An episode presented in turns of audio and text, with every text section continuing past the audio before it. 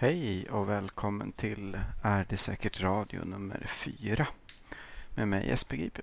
Idag ska vi prata om nudge, knuffandets politik. Men innan jag går in på det så vill jag göra en liten kort uppföljning på två frågor som jag har tänkt på med anledning av tidigare avsnitt. För det första eh, angående tröskelmodeller för kollektivt handlande så slog det mig efteråt att jag glömde att eh, ta upp det här med teknik, innovation och spridning av, eller framförallt spridning av nya tekniker.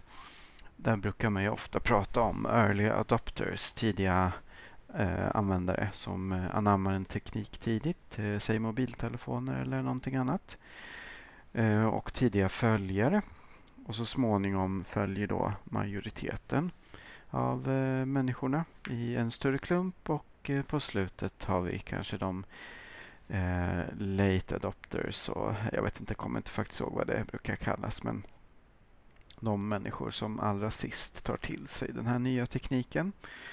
Eh, det är så vitt jag vet eh, vanligt att man pratar om spridning av teknik, ny teknik på det här sättet.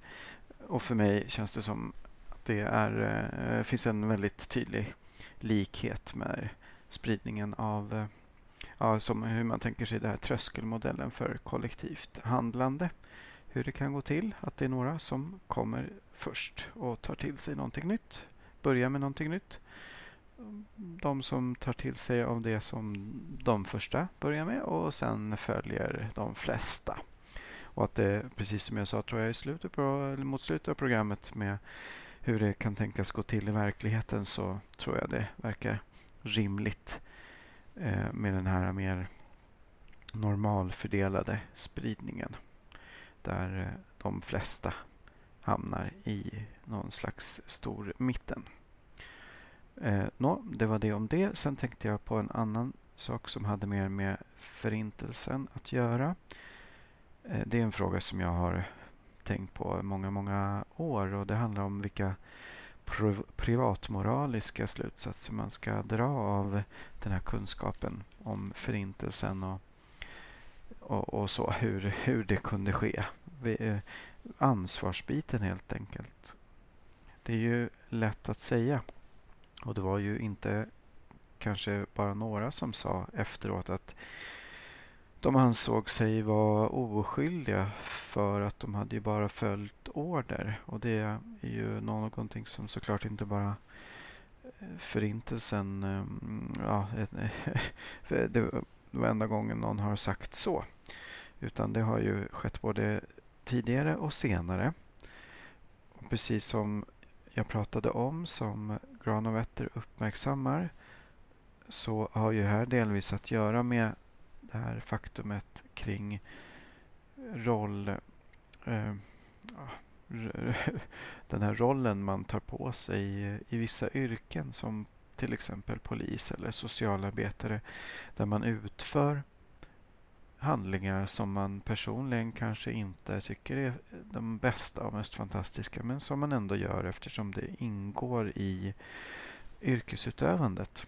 Och Jag vill på inget vis påstå att det skulle vara samma sak som Förintelsen eller ens i närheten. Utan det det handlar om är ju att, att se att det har en likhet i det att man gör någonting. Eller att snarare så här att det var möjligt att delta i förintelsearbetet. Eh, delvis för att det hade drag av den här att man deltar i någonting som ingår i tjänsten, någonting man gör i den roll man är tilldelad.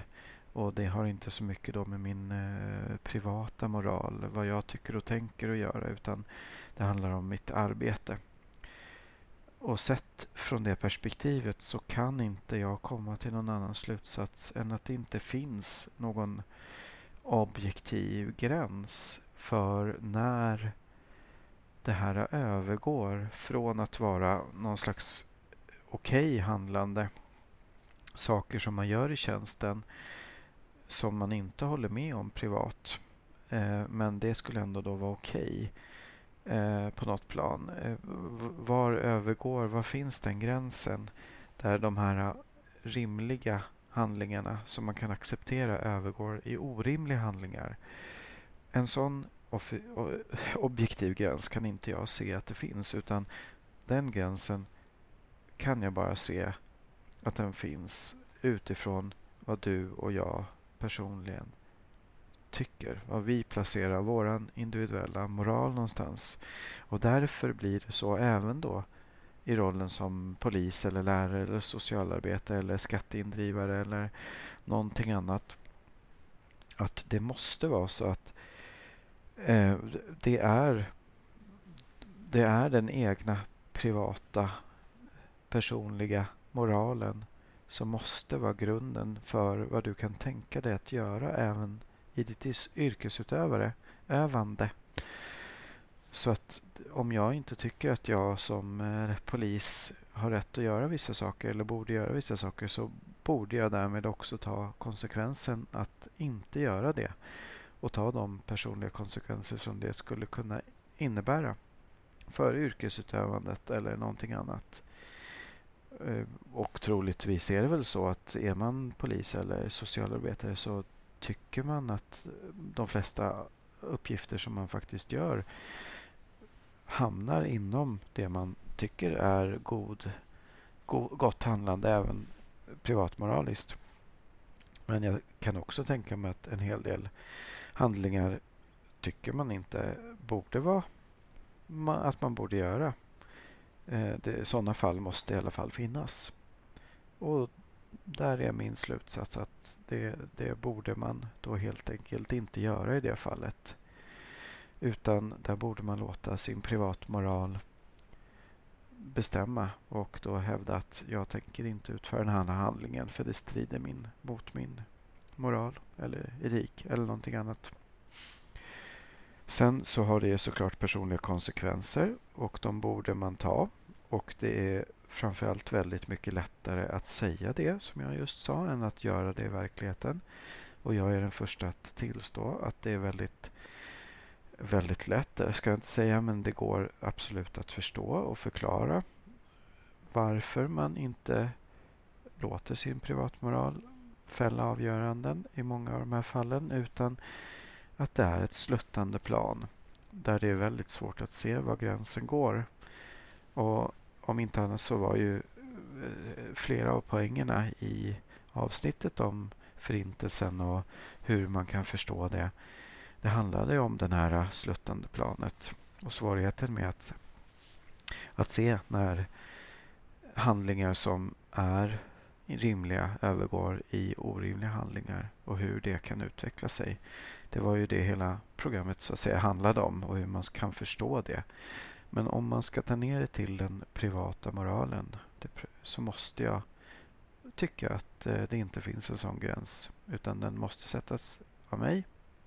Och där är det bara jag som kan fälla avgörandet och jag borde också fälla det avgörandet och ta de konsekvenserna. Nå, det om detta. Nu går vi över till eh, knuffandets politik. Eller det som eh, brukar gå under beteckningen nudge. Och det som på svenska på senare tid har blivit eh, etiketterat som beteendeinsatser. Då man tyckt att nudge kanske har en lite anglicistisk och även smal, smalt användningsområde. I alla fall så är det så att eh, begreppet nudge så som det här förstås är myntat av eh, de amerikanska forskarna Cass Sunstein och Richard Thaler i deras bok med samma namn som har undertiteln Improving Decisions about Health, Wealth and Happiness som kom ut 2009. Och eh, Thaler började med de här tankarna redan för 20-30 år sedan så vitt jag förstår. Men det är först då under senare 7-8 åren som det här har blivit mer och mer i ropet. Eh, det har kommit flera böcker av båda de här författarna. Det finns på svenska en bok som heter Knuffandes politik just av Cass Sunstein översatt. Som jag rekommenderar om du vill veta mer om de grundläggande tankegångarna. Sen finns det också ett flertal rapporter. Både Världsbanken har gjort en som går att hitta på nätet och på svenska finns det en rapport från Naturvårdsverket och en från ESO eh, som handlar om nudge som du kan hitta om du söker på nudge och eh, ja, respektive organisation som är läsvärda. Det finns även eh, en hel del annan information. Det finns en Facebookgrupp som heter Nudging Sweden som är värd ett besök om du är intresserad efter lyssningen av det här programmet. Och Begreppet nudge och själva konceptet handlar om att med små förändringar bidra till reella och stora konsekvenser. Och de här små förändringarna är dessutom ofta billiga, så att säga. Nästan utan kostnad. Men de har stora konsekvenser för hur folk väljer att göra, väljer att handla. Och det handlar i alla fall framförallt inom, det här handlar framförallt om frågor kring policy. Om, inom politiken, alltså hur man väljer att eh, framställa valalternativ och liknande. Det finns såklart användningsområden på alla möjliga sätt. Men det vi pratar om här eh, handlar framförallt inom politik, eh, policyområdet. Man kan eh, se nudge som en del i den större helheten eller strömningen som handlar om evidensbasering. Som också eh, inte har jättemånga år på nacken så, så som det är populärt nu för tiden i alla fall. Jag, eh, ja, jag kan faktiskt inte alla turer kring det här men evidensbaserad medicin är väl det som ligger närmast till hands och som har störst spridning. Och som handlar om att tillämpa den bästa medicinska kunskapen och den bästa forskningen. Eh, att försöka tillämpa den helt enkelt inom medicinen och göra det istället för det mera eh, traditionella sättet man kanske har gjort saker på som faktiskt kanske inte fungerar så himla bra. Och i vilket fall som helst så finns det bättre sätt att göra saker på som har eh, experimentella evidens bakom sig istället för eh, de mer kanske traditionella eh, så som man alltid har gjort. Den här evidensbaserade medicinen har smittat över sig på evidensbaserad policy.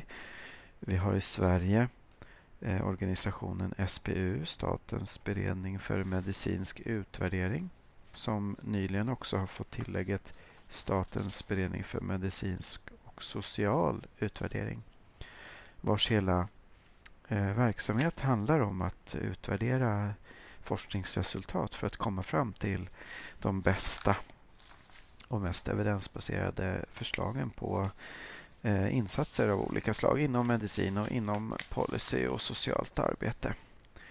Den kunskapen som ligger bakom det här, framförallt kunskapen som ligger bakom nudge, handlar om den empiriska experimentella psykologin som har sin grund i mycket av det som Daniel Kahneman och eh, Amos Tversky och även såklart andra har kommit fram till genom sin empiriska experimentella psykologiska forskning där man kommer fram till olika sätt som människor faktiskt beter sig på i verkligheten. Eh, det här har fått en stor tillämpning inom fältet beteendeekonomi. Där Richard Thaler är en av eh, huvudpersonligheterna kanske, eller mest kända.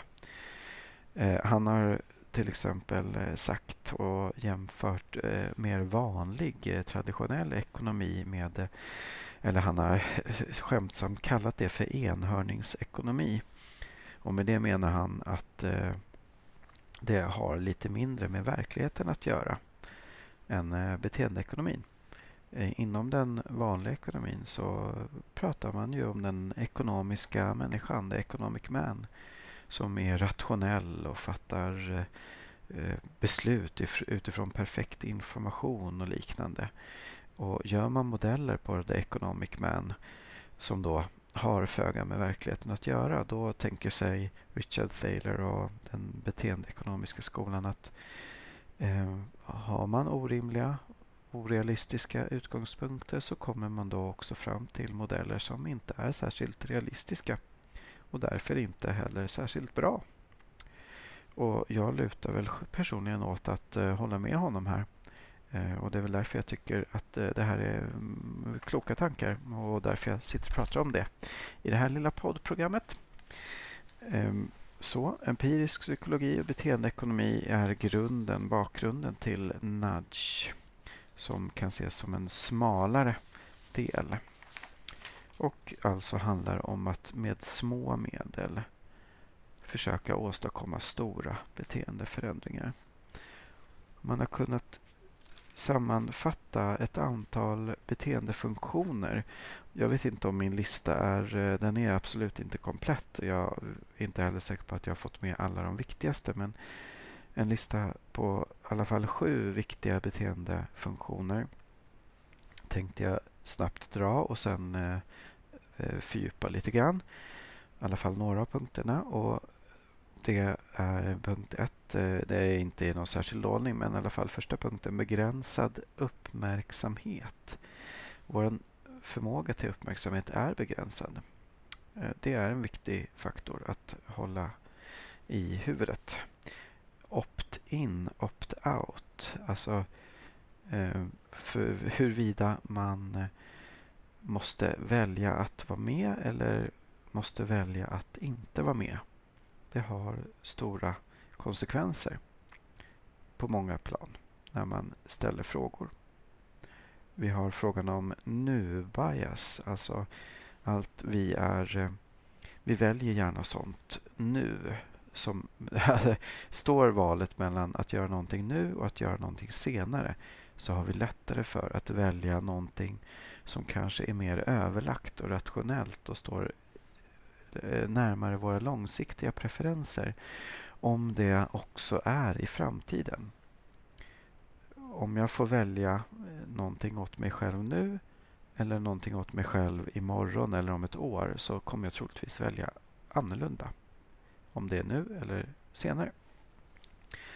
Förlustaversion handlar om att vi har väldigt mycket svårare för att förlora någonting än att om vi vinner någonting. Det är mycket smärtsammare och jobbigare för oss att förlora. Även om vi egentligen kanske aldrig har ägt saken i fråga. Tumregler och tillgänglighetsheuristik. Det handlar om att vi tänker mycket i tumregler och förenklar. Och heuristik och tumregler är i princip synonymer. Att vi, sånt som vi kommer att tänka på eh, påverkar det sättet vi gör våra val och tumregler kring hur vi tänker oss att saker fungerar som kanske inte riktigt stämmer med verkligheten egentligen. Och den sista exemplet eh, jag ville ta upp, eller sista funktionen är socialt normerande, social norming, eller lite bryskare uttryckt grupptryck. Och om vi ska börja i den änden så är grupptryck eller social norming väldigt viktigt för hur vi beter oss. Vi gör gärna som andra människor gör. Eh, och här eh, så finns det ju en liten koppling till det här med med just kollektivet handlande och tröskelmodellen. Gör många människor på ett visst sätt så är det mycket lättare för mig att också göra på det sättet. Och det här kan man ju då eh, utnyttja när man till exempel vill få folk att eh, betala sin kvarskatt. Det har man gjort eh, experiment på. Eh, där man då i eh, följbrevet eller i brevet om att man har kvarskatt att betala i eh, Storbritannien gäller det här experimentet. Eh, om man i brevet skriver så här nio av tio människor betalar sin skatt i tid då kommer det leda till att många fler människor också faktiskt betalar sin skatt i tid. Många fler människor än om man då bara skickar ut samma brev men utan den här formuleringen om att nio av tio betalar sin skattetid. Och just där 9 av 10 är i det här fallet eh, helt korrekt. Det är så att 9 av 10 betalar sin skattetid. Men bara genom att uppmärksamma att det är så, att skriva in det i en kontext av att man beter sig som de flesta gör så gör det att eh, man också, ännu fler gör så som de flesta gör. Det här har man testat eh, i en liten studie i Sverige också på sopsortering i Kärrtorp, tror jag det var, utanför Stockholm. Där man skickade ut olika brev till olika delar av eh, förorten, där olika hushåll. Eh, där man till exempel skrev på ett område i några fastigheter att det här på Pepparvägen sopsorterar vi. Eh, och i andra, några andra gator där i området så skickar man ut liknande brev om sopsortering men man vädjade istället till Eh, att man skulle sopsortera för naturens skull eller miljöns skull eller någonting sånt där. Och att då istället säga att här på Pepparvägen sorterar vi våra sopor. Det leder till eh, ett mycket större uppgång i sopsorterandet än att vädja till eh, att man ska göra det för miljöns skull. Så, det om social norming. Opt-in, opt-out. Alltså huruvida man måste välja att vara med i ett system eller måste välja att inte vara med i ett system. Det har väldigt stor inverkan på våra val. Eh, ett exempel som brukar tas upp här är exemplet med organdonationer. Där man i olika länder har valt att eh, formulera den frågan väldigt olika. då. Antingen som att eh, vill du donera dina organ efter din död så sätt ett kryss här i rutan. Alternativ två skulle vara att vill du inte donera dina organ efter din död så sätter du ett kryss här i rutan. Och I vissa länder har man valt att göra på det första sättet och i andra länder har man valt att göra på det andra sättet.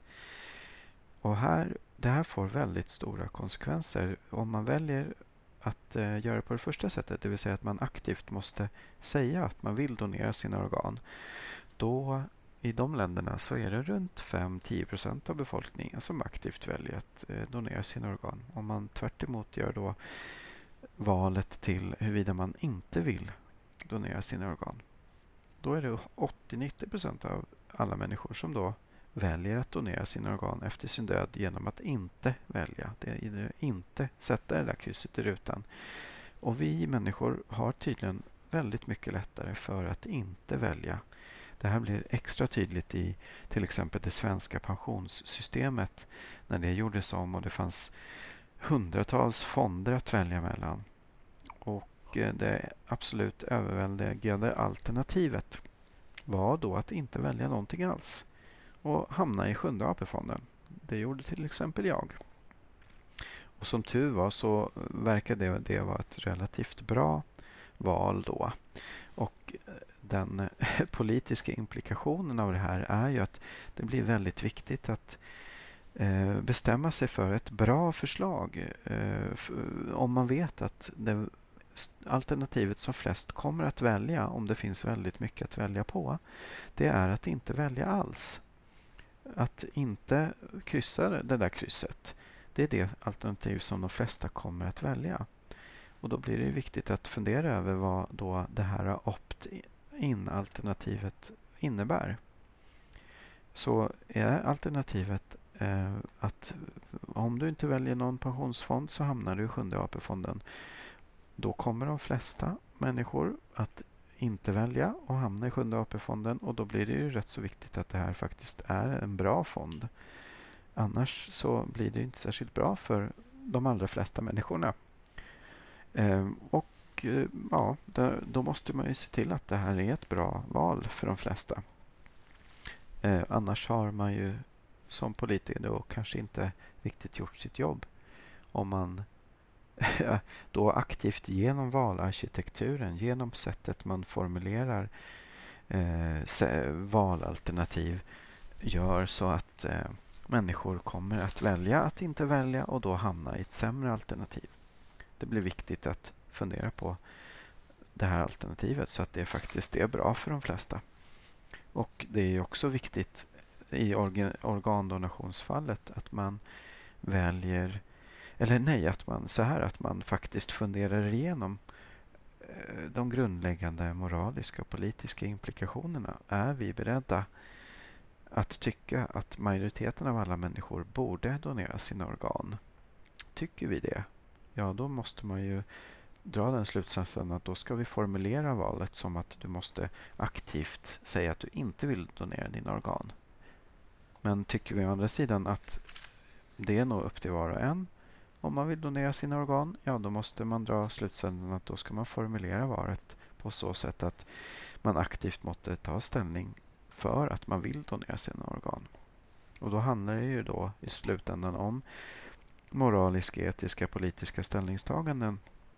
I det här fallet, vill vi att människor ska donera organen eller tycker vi att det ska vara upp till var och en? Ja, ni förstår poängen.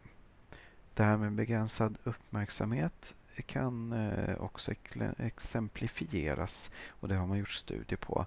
Eh, ett sådant exempel är till exempel att sätta en etikett utanpå ett kuvert med en räkning eller mm, utanpå ett kuvert med viktig information om vad kuvertet innehåller.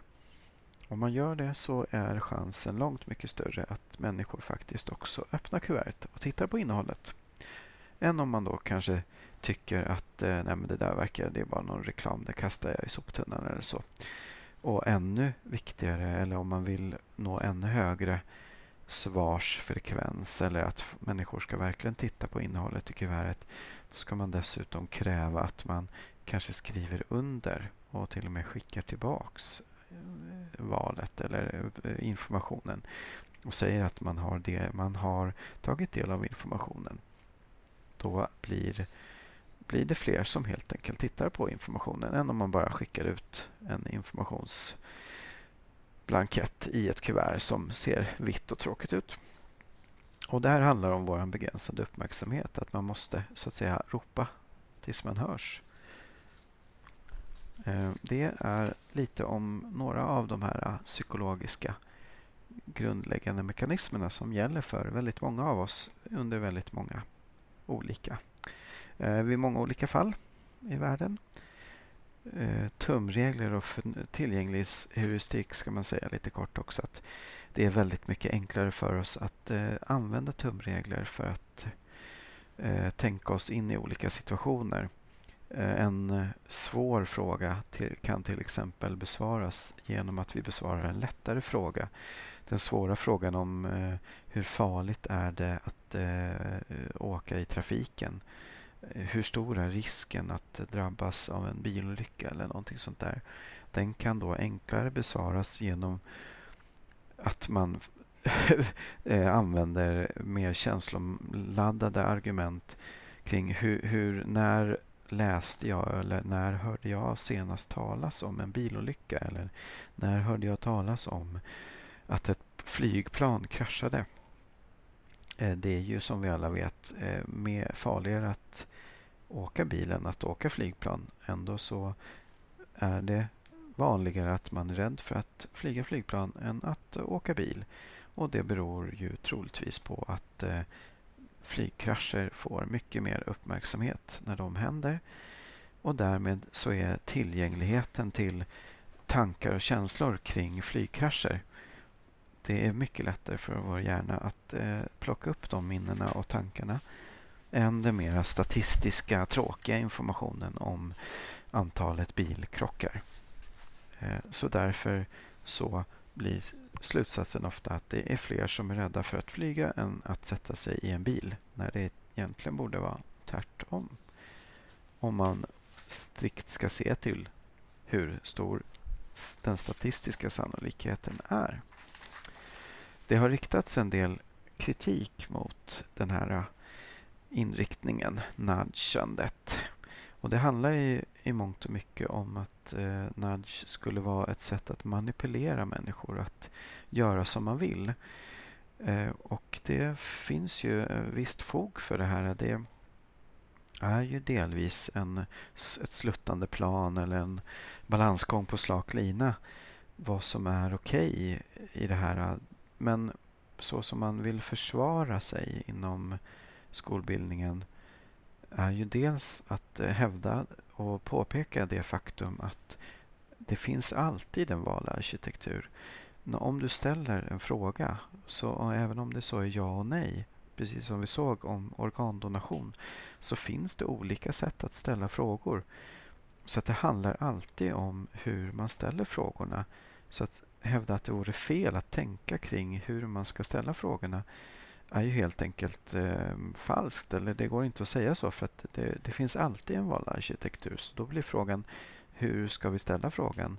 Och då måste man istället fråga sig vilka moraliska och etiska och politiska ställningstaganden ligger till grund för hur man ställer frågan. Det är där vi måste sätta in klutarna. Det är där vi måste fundera. Inte att man funderar på hur man ställer frågan. För det, frågan ställs alltid på ett eller annat sätt. Och dessutom så kan man då svara eh, mot det här med manipulationen att till skillnad från då till exempel reklam som man kan nog påstå att eh, reklamare har haft insikter kring de här beteendesätten och sätten för vår hjärna som att fungera och att nå fram till våran, våra känslor. Det har reklamare haft insikt i väldigt länge, sedan i alla fall 40-50-talet. Till skillnad från då den här empiriska psykologin som faktiskt först har slagit igenom på senare år. Eh, men till skillnad från kanske reklamen så kan man motverka kritiken mot eh, manipulation genom öppenhet, och transparens och eh, ärlighet.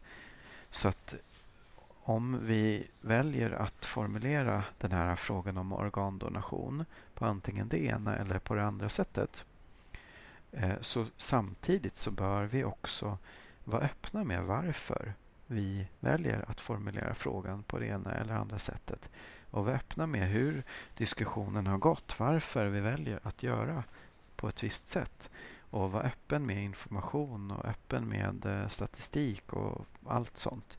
Så genom öppenhet och transparens och, och, och, och klarhet så att människor faktiskt vet hur den som har formulerat frågan har tänkt.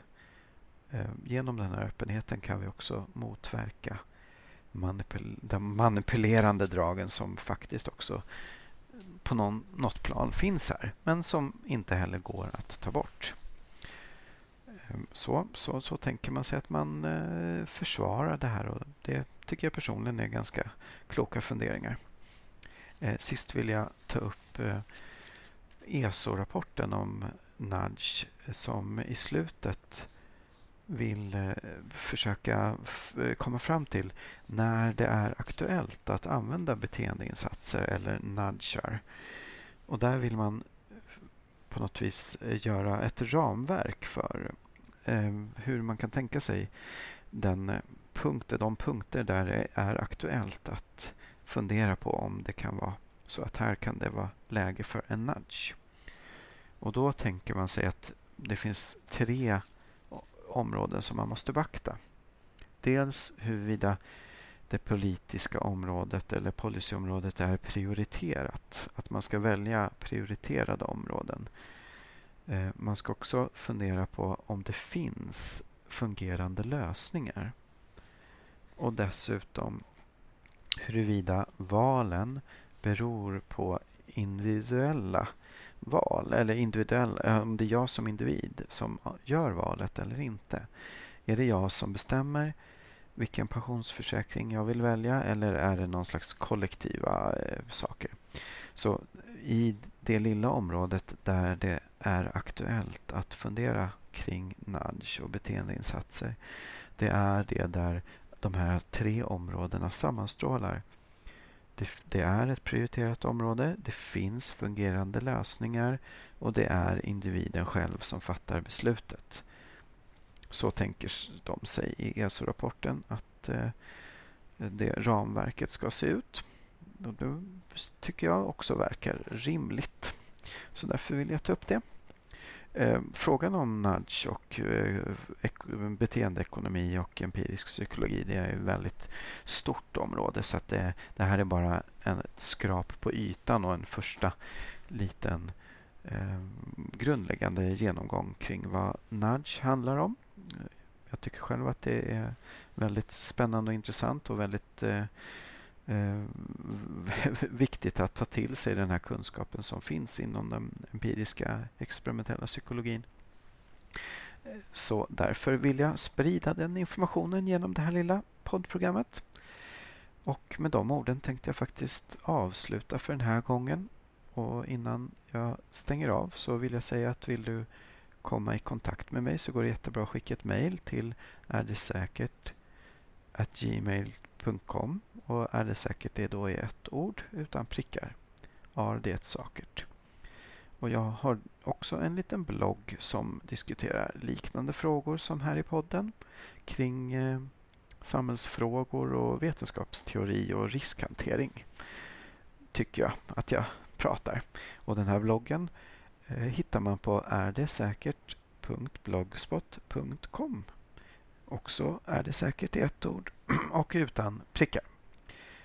Och med de orden så avslutar vi för idag. Tack så mycket för att du lyssnat och på återhörande. Hej då!